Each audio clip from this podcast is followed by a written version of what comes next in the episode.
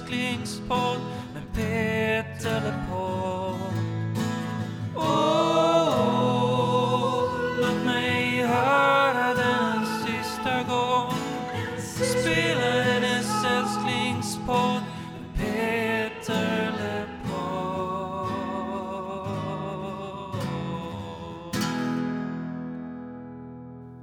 Välkommen hem! Du lyssnar på Peter Lepodd, Sveriges enda podcast om Peter Lemarks album och karriär. Jag heter Tony Savela och på andra sidan rummet sitter Emil Gustafsson Rydrup. Är vi uppe i 35 avsnitt nu kanske Tony? Ja, det är helt korrekt Emil. Det här är avsnitt 35. Vilket också innebär att vi är Sveriges mest långvariga Peter Lemark-podd. Borde de inte ha varit färdiga vid det här laget kanske man kan tänka, men nej, vi, vi har ett varv till och Podden om spelande filmer är slut slutar ju där vid 34 avsnitt. Ja, men, men den här podden, den bara fortsätter. Hör ni vänner, vi börjar i den här resan med Peter Lemarks självbetitlade album, den så kallade Vita Skivan från 1987 va? Precis, hans genombrott. Och eh, det var ju faktiskt inte så att det var Peter Lemarks första album, utan det var ju faktiskt hans femte. Precis. Vad innebär det Tony? Det innebär ju egentligen att i vår ambition att gå igenom alla Peter Lemarks album hade vi nu fortsatt där vi egentligen är i kronologin med exempelvis Tunna tråden eller EPn i Karlssons källare så hade vi ju faktiskt ljugit med vårt uppsåt om att vi pratar om allt Peter Lemark har spelat in. För nu är det dags för lite arkeologi kan man säga. Lite musikarkeologi. Vi backar alltså bak till Peters begynnelse. Innan genombrottet. Och det, och det kan man ju undra egentligen, va- varför ska vi backa tillbaka nu när vi precis håller på att närma oss slutet? Ja, men jag funderar lite grann på det där och jag har jobbat på en hel del svenska deckare, Emil. Hur många har varit bra? Det, det lämnar vi till en annan diskussion. Men är det någonting jag har lärt mig av alla mina arbetade timmar efter tusen timmar på svenska krimfilmer och serier så har jag lärt mig en sak. Och det är för att ibland för att förstå slutet, lösningen, så måste man gå tillbaka till början. Att ska vi kunna berätta om den tunna tråden i Karlssons källare, Skeppsholmen. De här liksom avslutande delarna i Peter Lemarks karriär och skivutgivning så måste vi backa till början för att få de där sista pusselbitarna. Och allting startar ju Peters solokarriär pratar jag om då. Efter att han lämnade Göteborgsbandet Box 81. De spelar på Mallorca, de har fått jobb där. De spelar för gästerna. De spelar på midsommarfiranden och liknande. Peter vantrivs. Så han ljuger om att han måste åka hem för militärtjänstgöring. Och eh, åker tillbaka till Sverige och där spelar han in en singel på eget bevåg. Han trycker upp den själv, 1000 exemplar. Han hävdar, i alla fall 2009, att 700 ligger kvar hemma.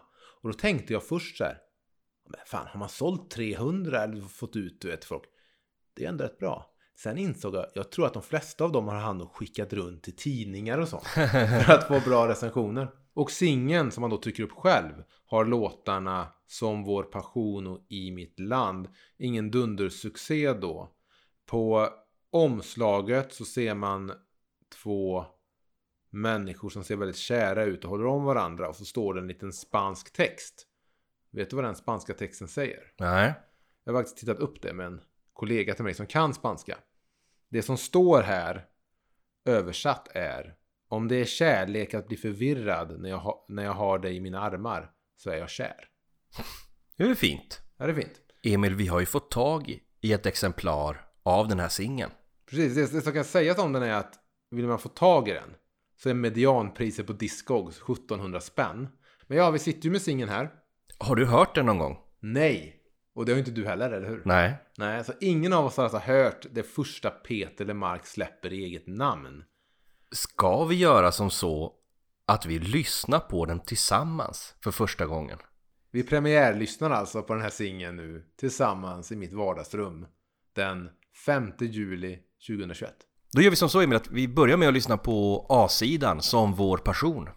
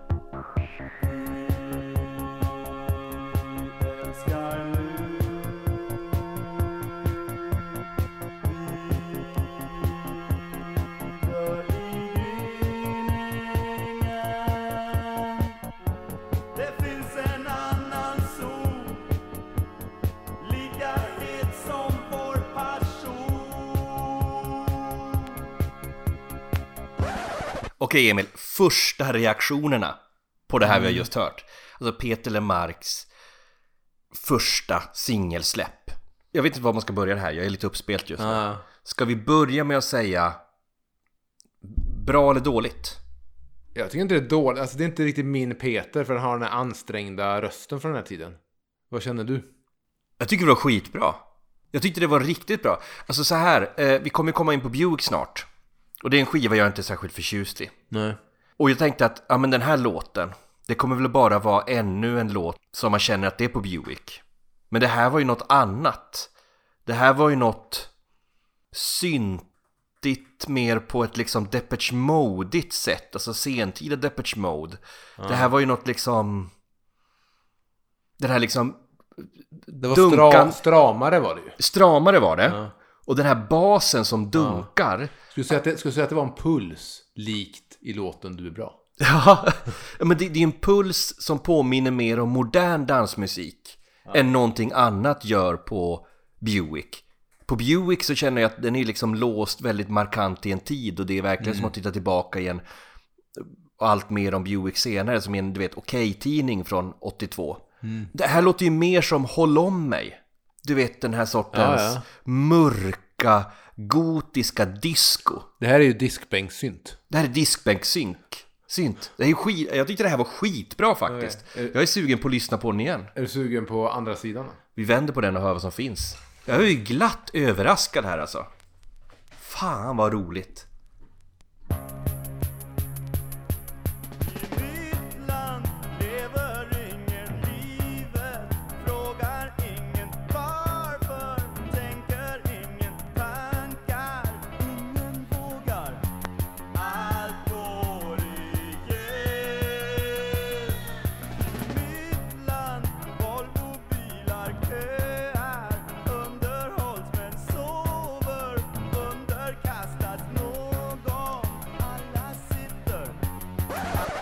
Det här tycker jag ju var mer åt Buick-hållet. Främst för att det har det signifikanta mentalsjukhusskrikandet. som när som helst kan dyka upp i låtar på Buick. Ja. B-sidan höll inte riktigt samma höga klass som B-sidorna i förra avsnittet gjorde. Men vet vad jag tror nästan vi hör här? Jag satt och funderade lite när vi lyssnade. Något som vi inte hör lika mycket på, på den här skivan som, som det här avsnittet ska snurra kring. Det här är väl ändå den Peter Lemark som spelade på svartklubbarna i Göteborg. Det är väl lite grann i alla fall vad jag tänker när jag hör det här och hur det låter. Så tänker jag nästan tillbaka på så här Fredde Wadlings experiment. Eh, jag vet inte, Lädernunnan eller vad, vad kan han ha spelat i vid den här tiden. Det här låter ju mer som någon sorts aggressiv punk. Och jag kan tänka mig att de här liksom mörka, dova syntarna med de här mentalsjukhusskratten och liksom galna infallen gjorde sig ganska bra på en improviserad scen i ett rivningshus. Du vet med massa Ja, full, fulla ungdomar och man släpat upp PA och synten dit själv liksom. Finns en risk att du har lämnat lokalen. Men när man var svinfull och kanske hade rökt sköna grejer Skön, skönt så här... äh, i Haga 1980 Då kanske det här var grejer Ja, men det är ju verkligen så här um, skön pepp så här, du vet. Men du vet, men det låter riktigt bra faktiskt Peter. Om, tänk dig att du spelar när folk är riktigt fulla. Ingen riktigt bryr sig om vad som är på scenen. Det roliga är att jag hittade faktiskt en recension av den här singeln. mm. Av en person då som heter Anders Westgård. Som skrev i Östersunds-Posten. Och han skriver om lite olika singlar som har släppts här då eh, 1982. Och då skriver han. Från Göteborg kommer också exilungraren Peter Lemark. Han gör mästerlig syntmusik i den dramatiska Som vår passion. En mäktig kärlekssång i tiden, intelligent danspop om den europeiska atomskräcken. Allt utfört med skicklighet och känsla. Det första jag tänkte på, var att fan, Anders Westgård är väldigt likt A. Westgart som tog fotot i det bladet som följde med Buick. Mm. Jag tänkte bort det, men jag mejlade ändå Anders för jag ville veta faktiskt. Jag hade bara tidningsutklippet så jag ville veta vilken tidning jag skrev för. Då, då jag fick svaret att det var Östersunds-Posten. Mm.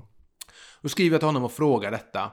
Och ställer ändå också frågan så här. Ja men du som ändå var musikskribent då på den här tiden.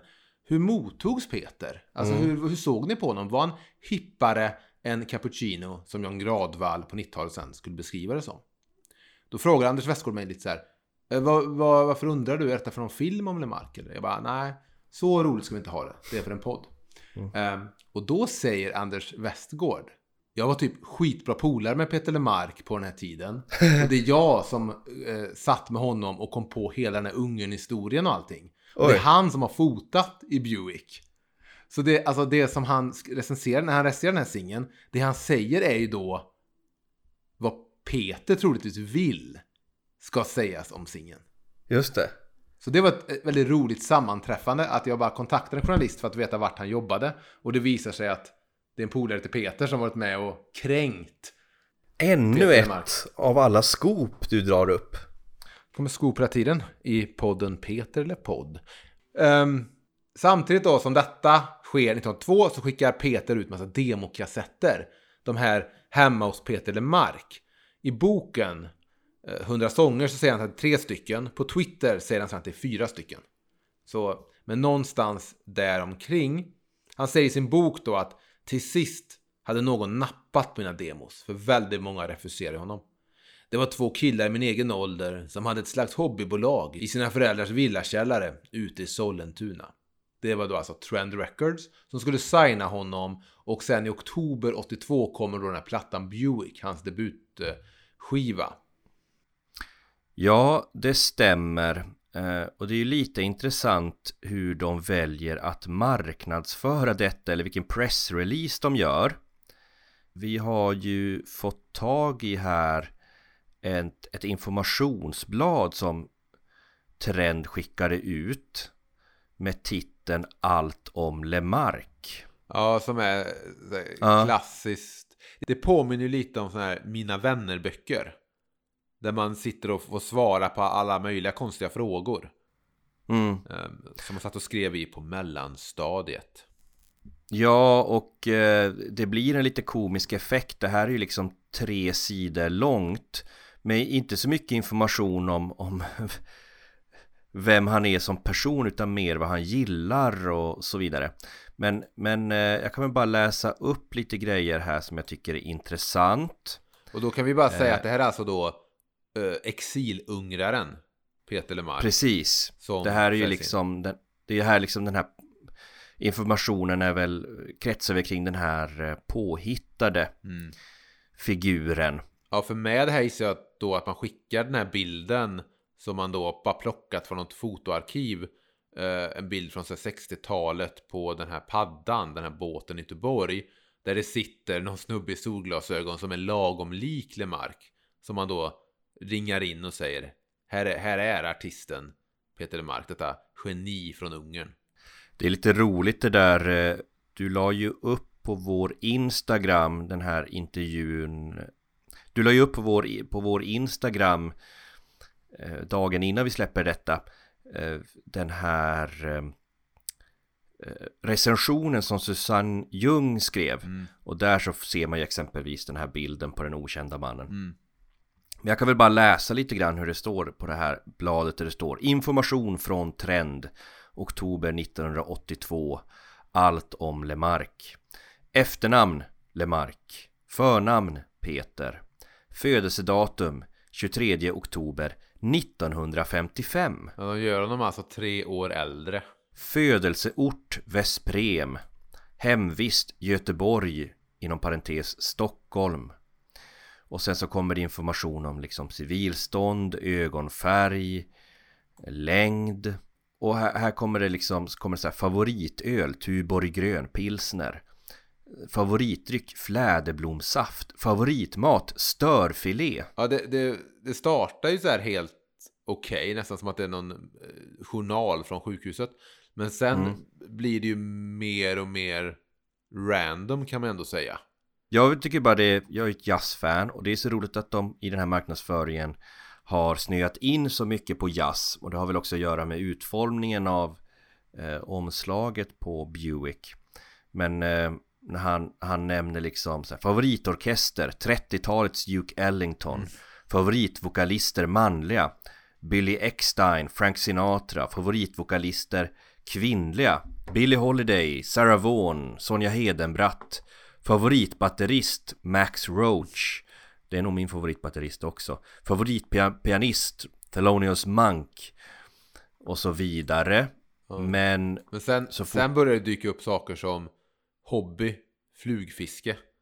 ja, Och eh, två av mina favoritfrågor eh, är dels favoritklocka, den har svarat Big Ben. Och sen min absoluta favorit är favoritjeans. Och svaret nyttjar ej. Ja Det är lite roligt där på favoritskådespelare på sida två så står det Silvana Mangano Och henne återvänder vi ju till i låten Cinerama Precis. Det jag tycker är intressant dock med det här med den här ungraren. Jag har alltid haft bilden av att det är någonting de kokar ihop på Trend, Peter och Trend. Men i den här då recensionen av hans debutsingel ehm, så nämner ju Anders Westgård där exilungraren redan då. Så redan innan Trend har ju Peter bestämt sig för den här personen.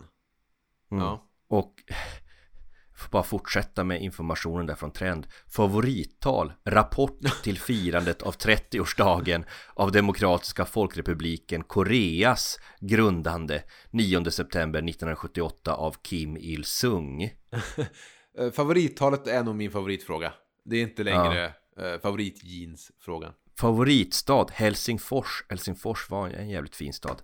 Favoritfärjelinje? Ystad till Rönne. Och när vi ändå pratar om, om legenden som skulle bli Peter Lemark Favorithuvudbonad? Skärmmössa. Mm. Märk väl, inte hatt. Inte hatt. Det är ändå intressant för det här Eh, tar ju ändå recensenterna till sig, eller de sväljer det. På något sätt. De kan, de, jag gissar att många såg humorn i det såklart, det är inte det jag säger. Eh, men för det finns här, två tydliga sidor av det här myntet eh, som är Buick. Så jag tänker att vi kan titta på lite innan vi går igenom låtarna. Dels har vi då Peters sida.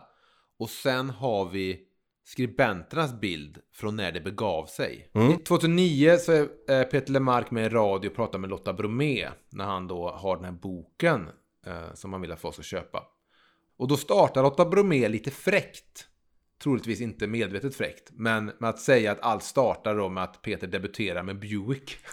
Ehm, eh, och då frågar hon först här varför skivan heter Buick. Det vet inte Peter om, han har ingen aning, han kommer inte ihåg. Men han säger också den där skivan önskar jag inte fanns. Och det gör den inte längre, tror jag. Och i sin bok skriver han ju att När jag lyssnar på den plattan idag är det ju kacka. Men jag tror att mycket var en reaktion mot det här Gitarr-Göteborg. Jag var så jävla less på det, så det var en befrielse att sitta ensam och spela på syntar. Det är Peters bild. Men, men vad sa då kritikerna vid den här tiden? Bland annat så skriver ju Susanne Ljung då i Expressen att Peter Lemark är ett popgeni Eh, och jämför honom både med soulgruppen Harold Melvin and the Blue Notes och författaren Per Rådström.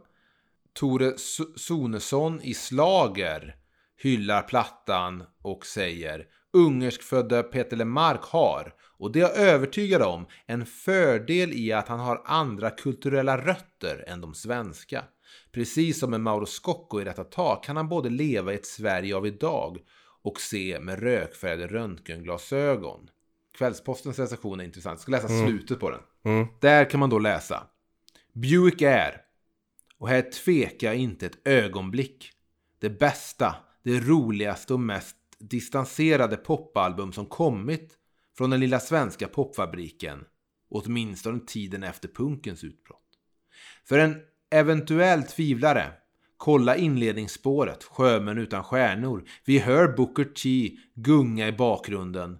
Lemark närmar sig mikrofonen som han verkligen kommer från den svenska bystan. Men plötsligt placeras i Sigma studio i Philadelphia. Detta är sann popmusik. Så jag menar, som sagt, det här är ju känt om, men Peter blev ju väldigt hyllad, även om inte det kunde bli till en kommersiell framgång. Och vi ska väl kanske diskutera lite grann på varför det kan vara så. Eh, det är intressant, jag vet inte, många äger ju inte den här skivan, men den finns ju att köpa om man verkligen vill. Men ska vi ta bara och, för det följer ju med det här bladet. Mm. Då undrar ju folk som lyssnar så här, vadå blad? Det följer alltså med ett, helt enkelt ett, ett blad. Med vinylskivan. Ja, det följer med, med vinylskivan så följer det liksom ett ark, ett pappersark med ett foto på med ett stilleben. Eh, lik det som sen skulle följa med i Välkommen hem också, den skivan. Och här finns det också en text som Peter har skrivit där han har tagit textrader från låtarna och skapat någon sorts sammanhang, någon sorts mer flödande text. Och på den här bilden så bör ju nämnas dels att det var en askkopp då från Budapest som säljer den här myten om att Peter Lemark på den här tiden var från Ungern och inte svensk. Och sedan ligger det ett par album på bilden och det är Ornette Coleman, This is our land från 1961, Bill Evans, The Village Va- Vanguard Sessions från 1973, jazzskivor.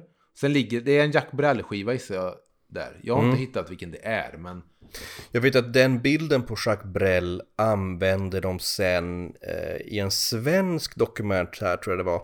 Som kom för några år sedan. Eh, och jag har en filmaffisch av den dokumentären jag har haft hängande ja, och där är det exakt det fotot. Det är det fotot. Okej, jag, har inte- för jag tänkte att det kanske kunde vara någon bootleg-platta.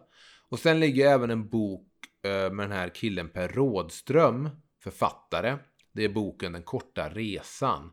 Jag har faktiskt eh, försökt fjärrlåna den för Göteborgs eh, bibliotek. Har den inte inne. Och Per Rådström är också då en person som Susanne Ljung ju jämförde Peter med. Så jag får inte kolla, så här, vem är Per Rådström? Har du en relation till Per Rådström? Jag har ju inte det. Nej, jag vet att han hängde mycket med Stig Claesson. Jag har läst en bok av Stig Claesson, men har inte mer koll ens på honom än så. Men det finns en avhandling som Dan Brundin gjort på Göteborgs universitet om Per Rådström. Och jag vet inte, om jag läser bara hur han beskriver Per Rådström, så kan väl du bara se, passar det in på Peter Lemark? Är det, är det så här jag tänker mig den, antingen den, den unge Peter Lemark eller den åldrade Peter Lemark? Mm. Dan Brundin säger då om Per Rådström. Eh, verken till en början bjuder in läsaren till enkel läsning via den raka, direkta stilen och de allmängiltigt och realistiskt skildrade miljöerna. Men väl inne då i verken stöter läsaren på något. Verket liksom förvrids och ändrar skepnad. Oräkneliga litterära referenser från många olika kulturella sfärer dyker upp. Logiskt motsägelsefulla saker sker. Karaktärer vandrar obehindrat mellan olika verklighetsnivåer och författaren Rådström förefaller lika obehindrat träda in i verkens verkligheter.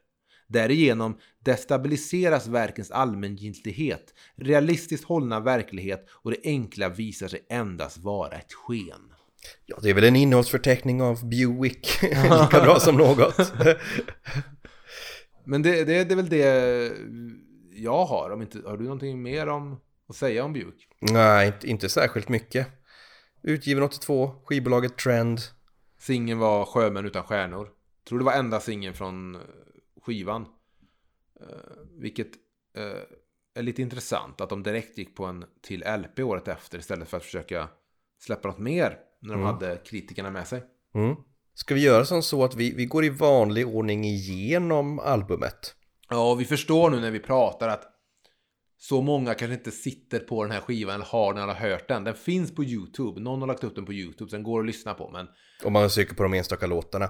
Sen är det ju några av de här låtarna som faktiskt finns på Spotify. Som har hamnat på en samling svenska popklassiker. precis. Tre låtar från den här plattan tar sig över till den samlingen då som blir en samling över Peters trendår. Och det är låtarna Sjömän utan stjärnor, Vad kvinnan vill och Vi kan gå mycket längre än så. Mm. Och vi får väl helt enkelt göra som så att de låtarna som inte finns på Spotify får vi väl bara eh, beskriva åt våra, våra lyssnare och inte Ja, får de fastna hoppa in på YouTube om de verkligen vill höra ett spår. Ja. Men eh, första låten då är ju Sjömän utan stjärnor. Som sagt en av dessa låtar som ligger på Spotify. Ja, och det är väl en, eh, hur ska man beskriva det? En eh, soul-låt i en synttappning.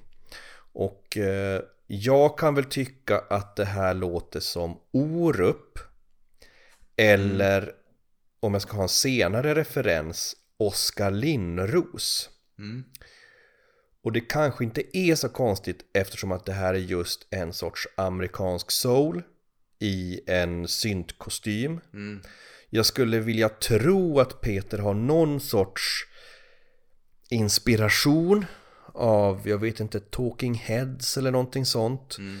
Eh, någon annat samtida. Han fick väl gräva i det som de som sysslar med synt när han själv bara satt med sin synt. Ja, och kolla vad, vad andra hittade på. Och det är väl eh, som mycket annat på den här skivan hyfsat. Det, är, det är hyfsat catchigt skulle jag ändå säga det här, en trallig refräng. Jag älskar den syntiga basen, det är det jag har skrivit. Och eh, sen, här dyker verkligen de här mentalsjukhusskriken upp. Som, som kommer fram då titt som tätt på låtarna. Det är väldigt mycket så här, ljud kring. När jag köpte Buick och lyssnade på den första gången så blev jag så jävla uttröttad. Jag fick ont i huvudet av skivan. Mm. Lite hur Peter är så ansträngd i många av låtarna i, i sången och så här. Det blev väldigt... Eh, men då var det också att man kom från, du vet så här... Eh, Ta med dig månen när du går, en jävligt fin låt. Mm. Ja, här är en ny. Ja, här är Peter Lemarks första skiva. Du vet, så man, man var inte riktigt så här förberedd kanske på vad som skulle komma. Eh, men sen är det intressant att man använder på den här skivan och så, som, sen försvinner ju han så här, han, så här, han har någon sorts call and response teknik. Där han, jag kan läsa bara första, hur han gör det på första, i första versen här. Han sjunger liksom så här, eh, i en röst, de övergivna två och sen någonstans i en utkant letar efter livet. Det är som att han använder två olika röster så här, någon sorts call response stil.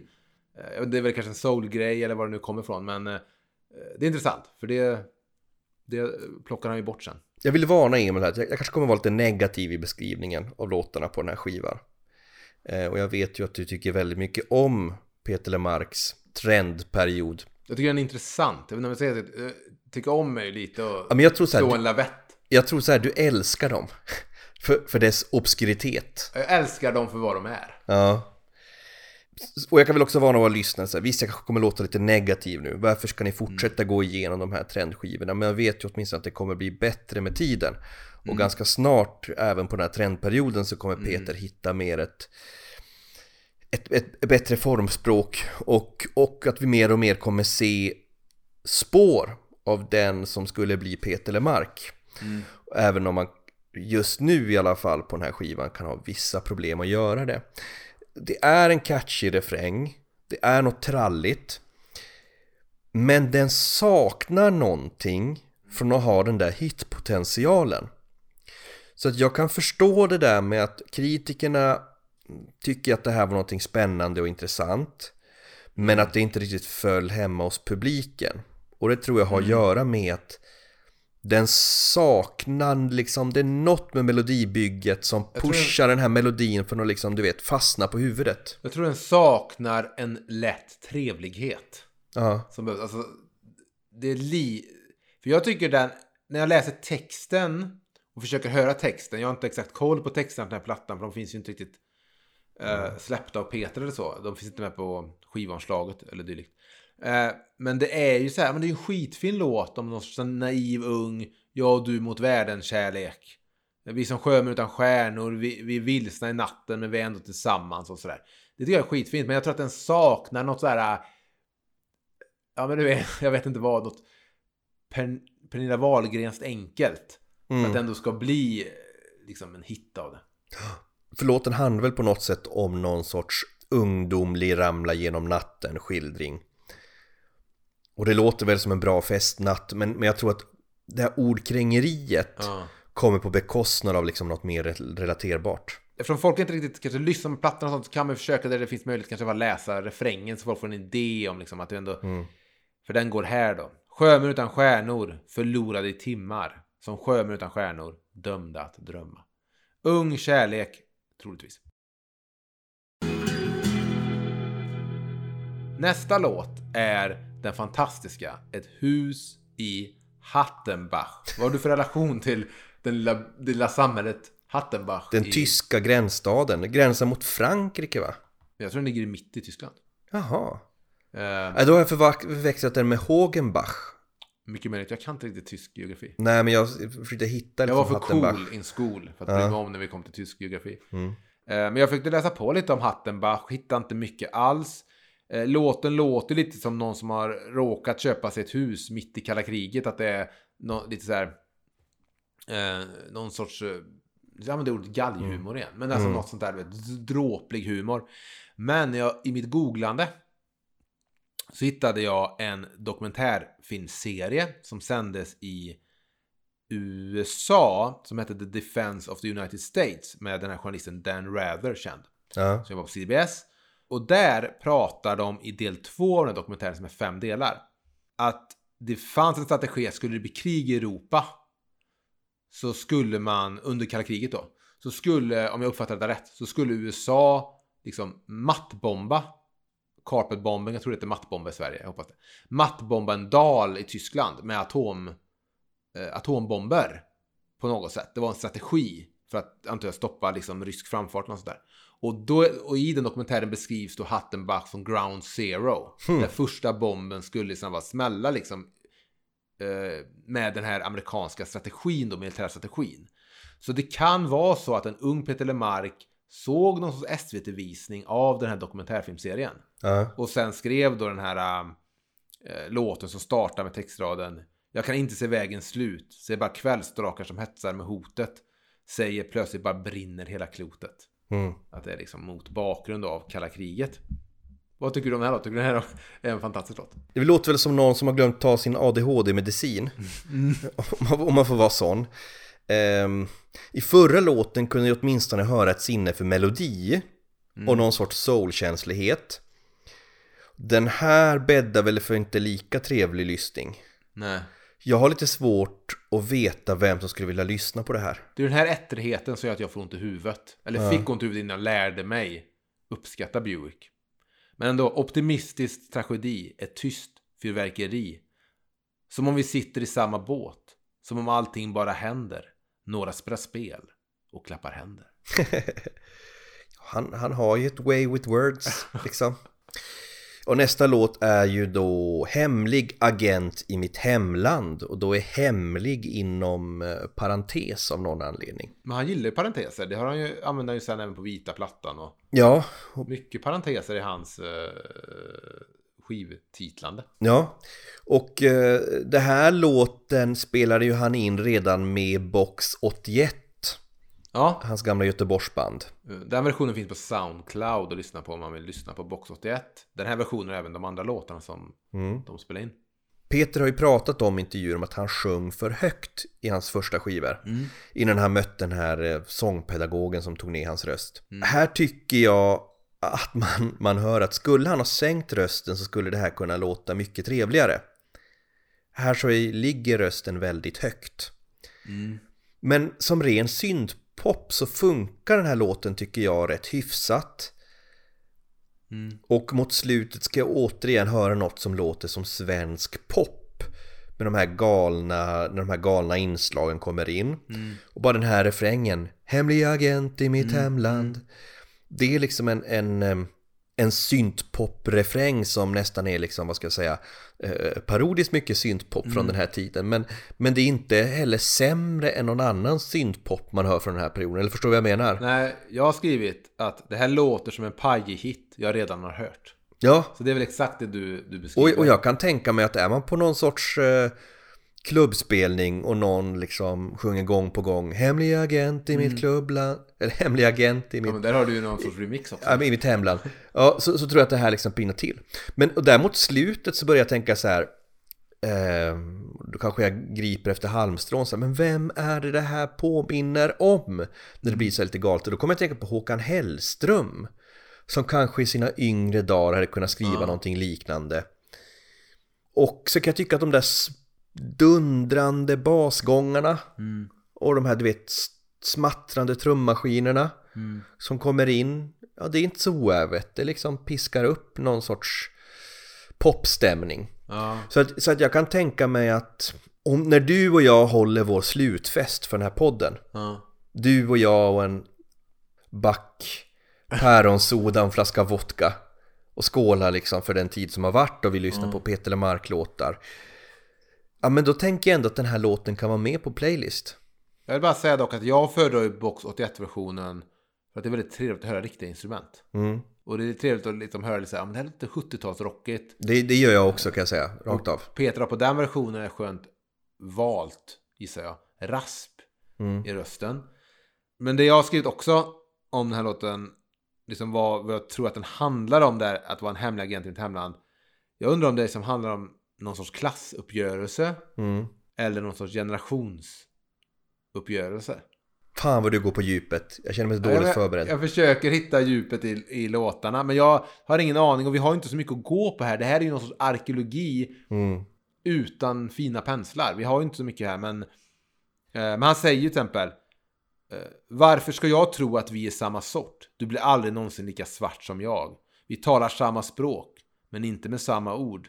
Du säger vår när du menar min. Vi bor i samma land, men här går gränsen. Hemlig agent, Mm. mitt hemland. Det här sättet att skriva texter på som han gör här. Mm.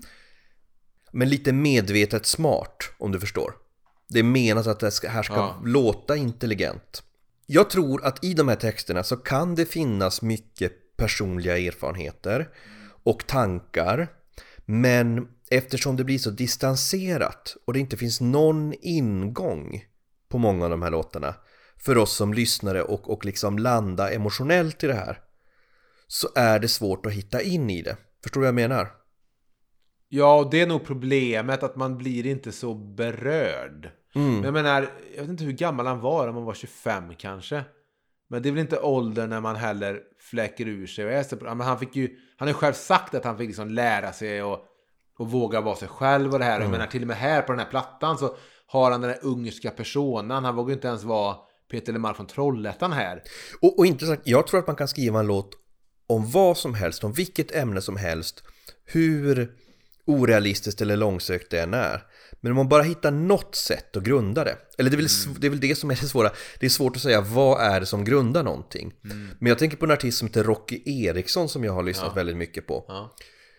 Som jag tycker gör helt underbara låtar. Och han har ju skrivit de här låtarna, många av sina låtar, ur någon psykos. Där han har skrivit om demoner och zombies och creatures with an atom brain. Och han har gjort så skitbra rocklåtar som jag ändå på något sätt kan relatera till. Ja. Och, och liksom finna någon sorts, något personligt i. Och det tror jag för att de låtarna har kommit från något liksom ursprungligt och något liksom, något genuint. Ja. Han har inte skrivit det där för att försöka chocka publiken. Utan för att han skriver det från sina egna känslor. Om du förstår min flum, den flummiga skillnaden. Medan det här är mer, som du säger, riktat för att folk ska bli imponerade. ja, lite så. Vilket å andra sidan inte är så jävla konstigt gjort när man är 25. Helvete vad jag försökte imponera på folk när jag var 25. Och Jag var då misslyckades jag än mer fatalt kan jag säga. Ja, jag var jättetrygg i mig själv när jag var 25.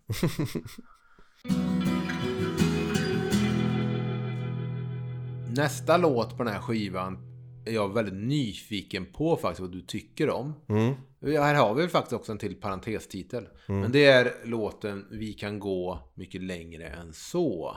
Som eh, finns på Spotify då och där refrängen senare skulle återkomma i låten längre än så som Peter återanvänder då i en, i en låt han spelade live eh, mycket kring 88 där någonstans va? 88, 89 och ehm, som då också fick en, en studioinspelning låten längre än så. Eh, du undrar vad jag tycker om det här? Mm, jag är nyfiken. Vi kan gå mycket längre än så Ah, Ja, det är väl hyfsat Jag tycker det här är skitbra. Tycker du det? Jag tycker det är bästa låten på skivan. Jag tycker att den här låten skulle kunna med lite, kanske ett annat arrangemang eller, eller riktiga instrument och Ton Thoréns bas varit, kunnat vara med på vita skivan. Alltså jag, jag har åtminstone antecknat här textfragment Ja, Skulle kunna, kunna säga att här, här sätter man spår för något som Lemark skulle kunna gjort sen det, det kan jag väl tycka, så jag vet inte om jag skulle säga att det är någonting för vita skivan men jag tror att den här, den här låten som singel hade kunnat breaka Buick. På ett sätt som inte Sjömän utan stjärnor lyckades. Ja. Det här kan vara en skitbra. Jag lovar. Hade det varit andra singeln 1982. Vad vet jag, jag var inte ens född då. Men så tror jag att det hade kunnat... eh, Det här tror jag kan bli en radiohit. Ja. Det finns en textrad där. Eh, Vi hade en lyssnare som hette Stefan som eh, transkriberade eh, skivan och skickade Ja. till oss. Och jag vet inte riktigt om den här transkriberingen stämmer just den här, de här raderna men jag kan i alla fall bara läsa dem. Åh, känner, känner i din hud, jag litar på dina lår. Åh, fråga inte varför, varför, man kan aldrig veta. Vi har bara sett början av alla odödliga dagar. Vita plattan, rakt av ju. Passar jättebra. Det, det är lite vita plattan, visst. Här ser vi de första spåren för vad Peter Lemark skulle bli. Ja, och sen, jag menar, hör nästa vers. Vi har många platser kvar att gå till. Om inte vi kan, kan inga andra. Kom och låt oss bli ett hav. Vi har varit nära, men aldrig som nu. Vi kan gå mycket längre än så. Jag blir bara sugen på att lyssna på, på live-versionerna. Live-versionen från Circus Broadway. Vi kan gå mycket längre än så. Ja, mm. Jag är sugen på att höra en live-version av den här från eh, turnén 82. Nästa låt är då Cinerama. Eh, en låt som vi borde uppskatta eftersom vi båda gillar film. Det var B-sida till singeln Sjömöta stjärnor. Och jag tänker spontant när jag lyssnar på låten på filmen The Last Action Hero med Arnold Schwarzenegger om du minns denna La Perla från sommaren 1993. Jo, Emil, men, men jag vet inte om du, du alltid tänker på Arnold Schwarzenegger. Eh, Alltså jag har ju tänkt väldigt mycket på honom i min barndom eftersom han var en stor idol. Ska väl erkännas. Eh, Men just den där leken med verklighet och film. Den filmen, jag vet inte så många sett den men eh, Det är en film som handlar om en magisk biobiljett som gör att en pojke lyckas ta sig in genom bioduken in i filmens universum och träffa sin stora actionhjälte som då spelas av Arnold Schwarzenegger. Um, och så är det liksom en, en meta-take samtidigt som det också är liksom en actionkomedi. Och den här låten handlar ju då om att Peter Lemark liksom får stifta bekantskap med en skådespelerska. Eller inte Peter Lemark, men låtens liksom, berättar jag. Och jag tycker att det är lite snyggt. Däremot vet jag inte om Peter någonsin har sett en Cinerama-visning. Det var ju en, en teknik från 50-talet och framåt där man då i biosalongen hade tre separata projektorer som var synkade och då visade en biofilm liksom var sin tredjedel tillsammans så det skulle bli mycket, mycket bredare duk då. Och när Peter sjunger den här låten om ehm, i refrängen då Silvana bara 30 år mellan då och nu. Jag vet inte ens om du lever ännu. Silvana bara 30 år mellan då och nu. Jag vet inte ens om du lever ännu. Och den här Silvana som Peter sjunger om i refrängen och som låten kretsar kring är den italienska skådespelaren Silvana Mangano som var aktiv från slutet av 40-talet till slutet av 80-talet. Hon är eh, förutom sin egen karriär som skådespelare också känd för att ha varit gift med den här producenten Dino De Laurentiis som bland annat producerade filmen Blix Gordon som vi snabbt nämnde i förra avsnittet. Men jag tycker att det är en snygg låt för jag gillar det fantasifulla i det. När kärleken till en, en skådespelerska eller möjligtvis nästan, nästan bara en karaktär i bioduken Mm. och det blir en fysisk koppling. Ja men det är något intressant det där. En biograf, hur scenerna i filmen smälter ihop eh, i den här huvudpersonens första verklighet. Jag, jag, jag har också fastnat vid det, jag tycker det är en häftig grej. Sen är det väl fortfarande så att det är lite svårt att relatera eller Ja. känna något av det för det liksom saknas det där liksom de där extra raderna som Peter hade liksom idag kunnat, kunnat få in. Arnold får mig att känna mer i Sista Actionhjälten. Jag, jag tycker ändå, verserna tycker jag har en trevlig melodi. Ja. Jag tror att skulle, spela, skulle man spelat den här akustiskt så tror jag att den hade haft någonting. Så du säger att det här är en 17 sånger-kandidat? den här borde kanske varit med på 17 sånger. Det finns en... Eh, eh, jag gjorde en felhörning som var lite intressant. Eh, Ja. När jag lyssnade på den här. Så bara hörde jag, vänta fan, sjöng han Verner Modigård? så jag fick sp- spola tillbaka och bara så här. Ja men, fan han sjunger ju Verner Modigård. Och då tittade jag på den här transkriptionen som, som vår lyssnare hade gjort. Och där hade han skrivit att han sjunger Avståndsbilder bär du på. Och det tycker jag låter exakt som att han sjunger Verner Modigård. Trummisen som han då inte hade lirat med ännu. Det säger nog mer om mig än om något annat. Ska vi hoppa till låten Legender? Låt oss göra det. Eh, Det här är sista låten på A-sidan. Och ingen låt jag egentligen har så mycket att sä- säga om. Men jag tycker att A-sidan på plattan är mycket mer intressant än B-sidan. Mm. Men Legender verkar också vara en låt som handlar om den naiva, drömska ungdomskärleken. Vi blir legender, skapar guld i tomma händer. Men du, jag börjar fundera och tänka till här nu. Det här är nästan min favorit på skivan. Oj. Även om favorit i det här fallet inte kanske är... Jag är ändå överraskad att du inte tyckte om Vi kan gå så mycket längre än så. Jo, men den har väl något. Mycket längre än så. Som desperation det. Alltså kom, om, när du och jag väl super till med den där vodkan och päronsodan på den där slutfesten, då är det säkert bara Buick vi kommer liksom lyssna på. Och, Ja, du kommer inte skippa när jag sätter på Vi kan gå. Nej, vi kan gå. Ja, men det finns eh, några textrader här. Eh, I natt, här låg vi sen ännu vid liv med barnkontakter och ultraljud. Ja, där, jag vill säga, där hör jag ögonkontakter och ultraljud. Det kan Jag vara... litar inte helt på Stefans transkribering. Nej, det bara kan vara ögonkontakt, ja, och ultraljud. Genom regnet, vi två i spinn, helt nya budskap från hud till hud. Nej, men om raderna eh, eh, betyder vad, vad jag tror att de betyder, så Mm. känns det åtminstone som att det är en sorts eh, eh, dröm Mm. om att skaffa barn. Och det får man väl på något sätt säga att det knyter ihop storyn med, liksom, med berättelsen med det här narrativet vi har pratat om i, med vita plattan och framåt liksom. Att även om det skulle dröja något år till innan han fick sitt första barn Mm. så, så är väl det här på något sätt någon sorts dröm om det där i alla fall, om familjelivet. Som jag tycker är ett av hans mest intressanta teman. Sen om jag ska, de andra sakerna jag säger om, som är positivt med den här låten. Mm. Och det är att jag tycker att stråkarna är fina. Mm. Och de låter realistiska och inte programmerade. Det, det finns ju en falsk ungrare som tror står på stråk på det här Mm. bladet vi har nämnt. Eh, för jag har också skrivit att jag gillar fiolen i slutet. Mm. Och det kanske bara är för att det, det skänker väl något att man, man känner att det liksom äntligen finns riktiga instrument här och inte bara Ja, de här det står faktiskt här eh, faktiskt också i parentes står just låten Legender lista då med vio, violin, altviolin, violincell, stråk, stråkar. Eh, och så står det två ungerska namn som jag gissar är eh, fejkade. Mm. För att eh, då stärka den här myten, den här personen bygger upp om ungraren Lemark som har tagit sig upp från Ungern, varit barpianist och sen lyckats få skivkontrakt och breaka. Ja. Ja, men jag, jag tycker att är det någon låt man ska söka upp på YouTube så är det väl Legender från den här skivan. Ska vi, ska vi vända på, på albumet?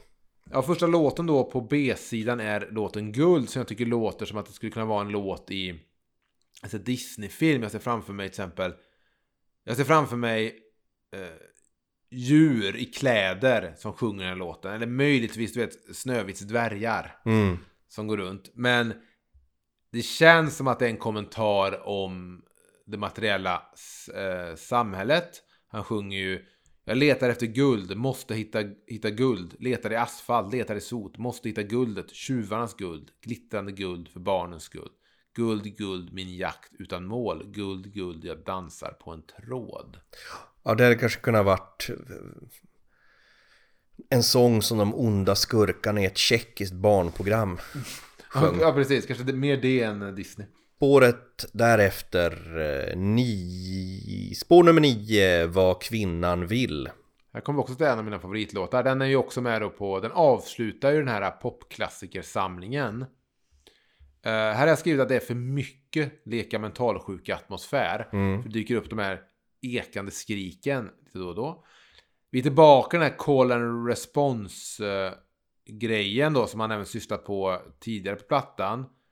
Men jag tycker en trevlig låt. Den legendariska textraden Jag vill inte se dig dö på Ikea eh, är med då. Nej, kom så skär vi sönder nätter. Eller ska vi äta lyckopiller och överleva alla krig eller gå upp i rök. Det är en låt som handlar om någonting som man kommer skriva om senare också. Det här Var med mig istället. Drömmen om någon man inte kan få och, och det här. Och här handlar det då om eh, ett berättar-jag som ser en, en kvinna som är med någon annan. Men ser också hur hon försvinner bort i någon sorts tristess, någon vardagstristess. Hon blir bara vem som helst när hon istället kan vara med honom och bli legender. Ja, så kan det säkert vara. Alltså det, jag, jag har inte själv kunnat liksom lista ut vad den handlar om. Jag trodde liksom halvvägs in i första refrängen att den handlade om liksom någon sorts fuckboy. Men sen så... Alltså en sån Casanova som kastar sig mellan kvinnor. Men sen så insåg jag att nej, det gjorde den inte alls. Och så var jag inte säker på det. Det är väl som du säger att, att han, han eh, ser någon tjej och tycker att, att hon har valt fel. Men det finns inte så mycket för mig att landa i emotionellt i den här låten. Och jag börjar inse att ett problem på den här plattan så här pass långt, Ja. det har inte funnits några ballader. Eh, vi, kan gå, vi kan gå mycket längre än så. Det är fortfarande inte riktigt en ballad. Skivans hörnsten.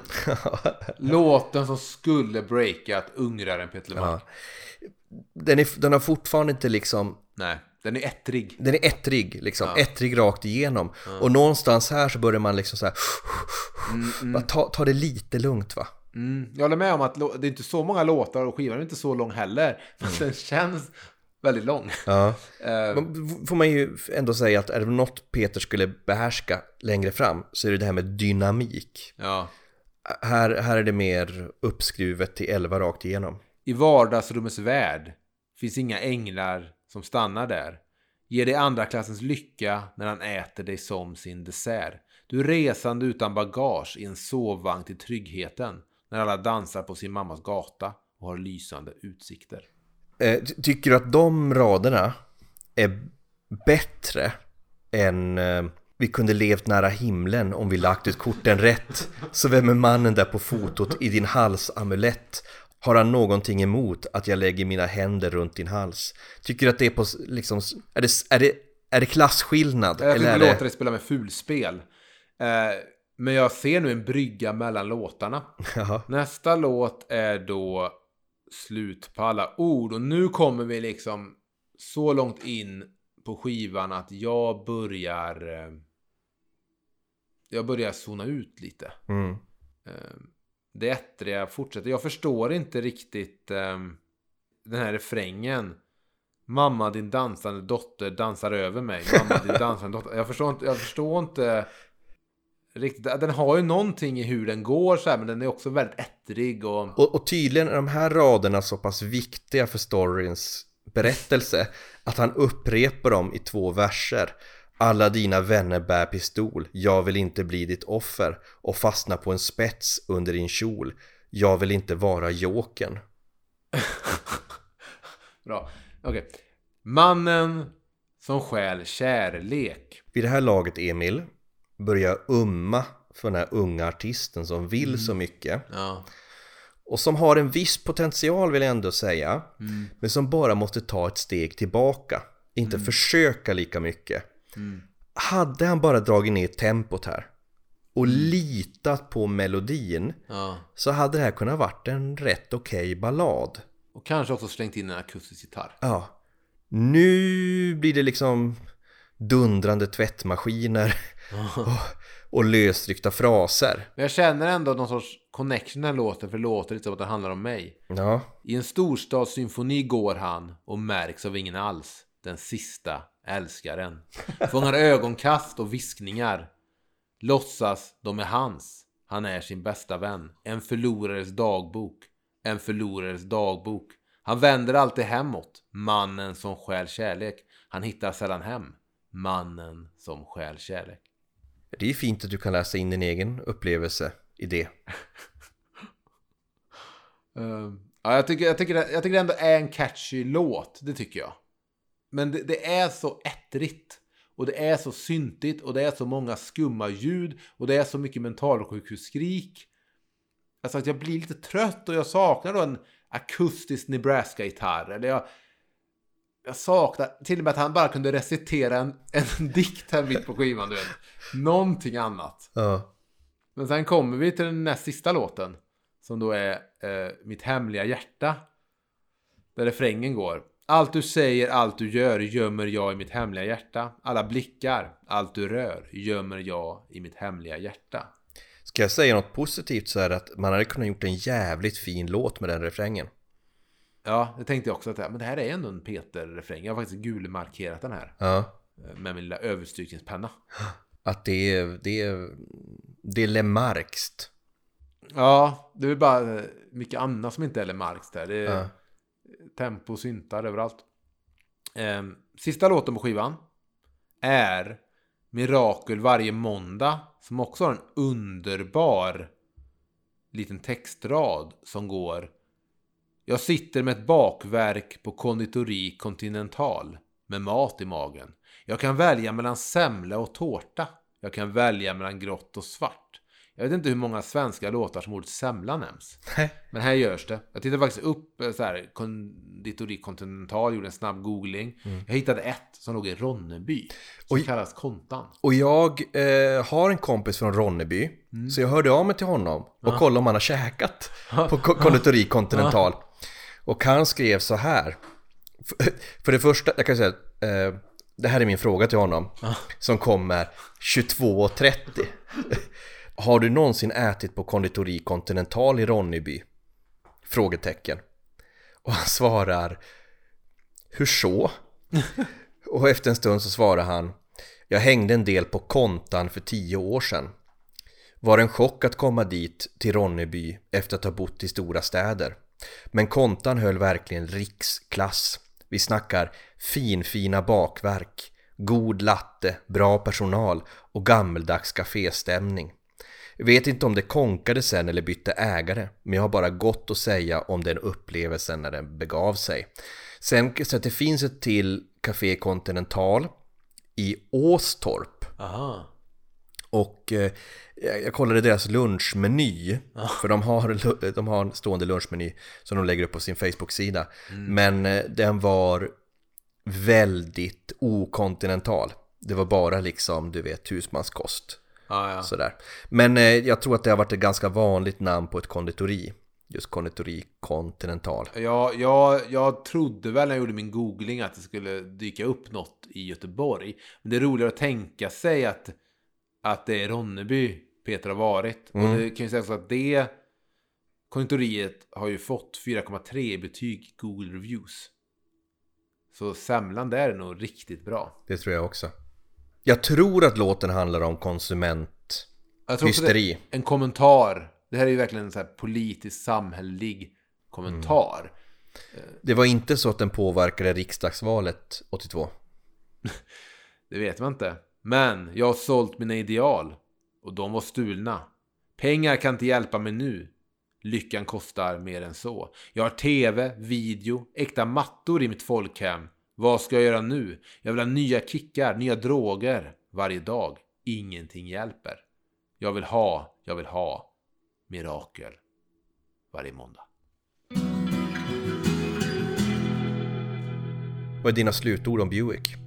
Eh, uh, mina slutråd brukar är att jag tycker det är intressant. Jag tycker att skivan finns. Det bör sägas att Peter Mark är lite ambivalent. Han pratar mycket om att den skivan inte finns. Men samtidigt har han ju aldrig undvikit att lista skivorna eh, i sina diskografier och sånt eh, när det har följt med på plattor. Och sen så nämner han ju och pratar lite om det i sin bok. Det är ju inte riktigt mitt sound. Jag är inte en syntkille. Eh, och jag, jag tycker de här mentalsjukhusskriken blir lite jobbiga i längden. Eh, känner du att du har lyssnat, när du lyssnar på Bjuk nu inför det här avsnittet, att du har fått en ny uppfattning om plattan? Ja men så här, okej, om, om man börjar från början. Visst, Peter Lemarks första album är också hans sämsta. Och det är nog inte någon hemlighet och det finns nog fler eh, än jag som tycker så. Men det finns ju åtminstone något intressant i att se en artist växa fram. Och befinna sig liksom på den här resan från, du vet, det här till det som ska bli, jag vet inte, regn idag i Västerhav. Ja. Som är det liksom konstnärliga uppvaknandet. Och det är nog, inte, det är nog fler än jag som tycker så. Ja, och så din fråga då om, om, min, om jag fått en annan uppfattning av att lyssna på den här. Jag skulle säga så här, eh, och det som är så intressant med att gå tillbaka till början, det är ju att vi börjar prata om det här som har varit legender. Vi går till botten med legenderna. Ja. Vi går till botten med måndagsbörsen. Hur illa var det egentligen? Och det bör sägas att, att vi rör oss runt nu i en värld och en tid där det inte finns så mycket information. Det är det jag liksom menar med lite med arkeologi. Att vi har ju inte Peters bok eh, så mycket att stödja oss på. Och det, är, det finns ju inget strålkastarljus som riktigt skiner på de här plattorna eller den här tiden. Jag vill också säga att jag kan förstå att den här diskrepansen mellan mottagandet eh, hos kritiker och sen den uteblivna försäljningen måste ju vara dödande. Jag förstår att det måste vara väldigt smärtsamt. Att det är sån otrolig skillnad mellan de två. Och precis det angående min uppfattning är det. För att, när vi har hört Peter Lemark i olika intervjuer på så sätt prata om den här skivan så har ju han gjort ner den väldigt mycket och pratat om att de skulle liksom inte vara så bra. Och den här, nej, eh, den är hyfsad. Men hyfsad är fortfarande bättre än vad legenden om den här skivan är. Ja. Och jag vet ju att nu när vi rör oss framåt i diskografin, den här tidiga diskografin, Ja. innan vita plattan, så kommer vi också upptäcka stunder som är till och med väldigt bra. Men, men eh, herregud, så min uppfattning är, är bättre nu än den var innan jag lyssnade på den här skivan återigen. För att jag har verkligen bara dragit igenom de här låtarna någon enstaka gång innan.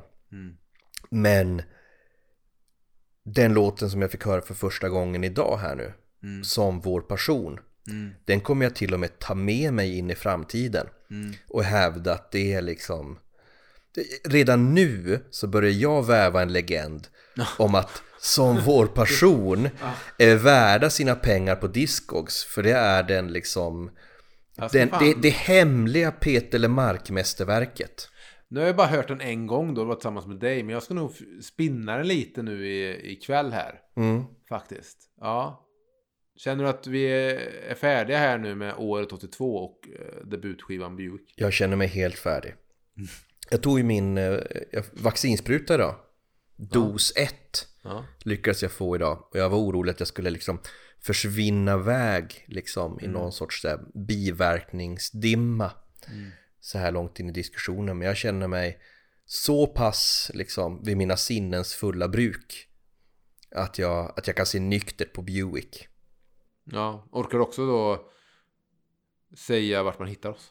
Man hittar oss på Instagram, på Twitter och på Facebook under namnet Peter Lepodd i ett ord. Och det är viktigt att komma ihåg att podd stavar vi med ett D som de ungrare vi är. Och vill man mejla oss med feedback, tankar eller någonting annat så eh, finns vi på peterlepodd.gmail.com och vi får så många fina mejl och meddelanden från våra lyssnare och det låter som någon här medialögn men det är faktiskt sant. Ja, vi fick ju till och med Buicks texter transkriberade. Mejla till oss. Ja. Vi är jätteglada för all, varje gång ni hör av er. Och Emil, den här musiken i början och slutet av det här avsnittet, den här gingen och det här outrot, vem är det som har gjort det? Ja, den är gjord då av en kille som växte upp i slumkvarteren i Budapest. Och det är ju Kristoffer Hedberg som eh, har gjort vårt intro och outro. Och han är ju då sångare i bandet Easy October. Allt är bra nu. Gitarrsolo. Thank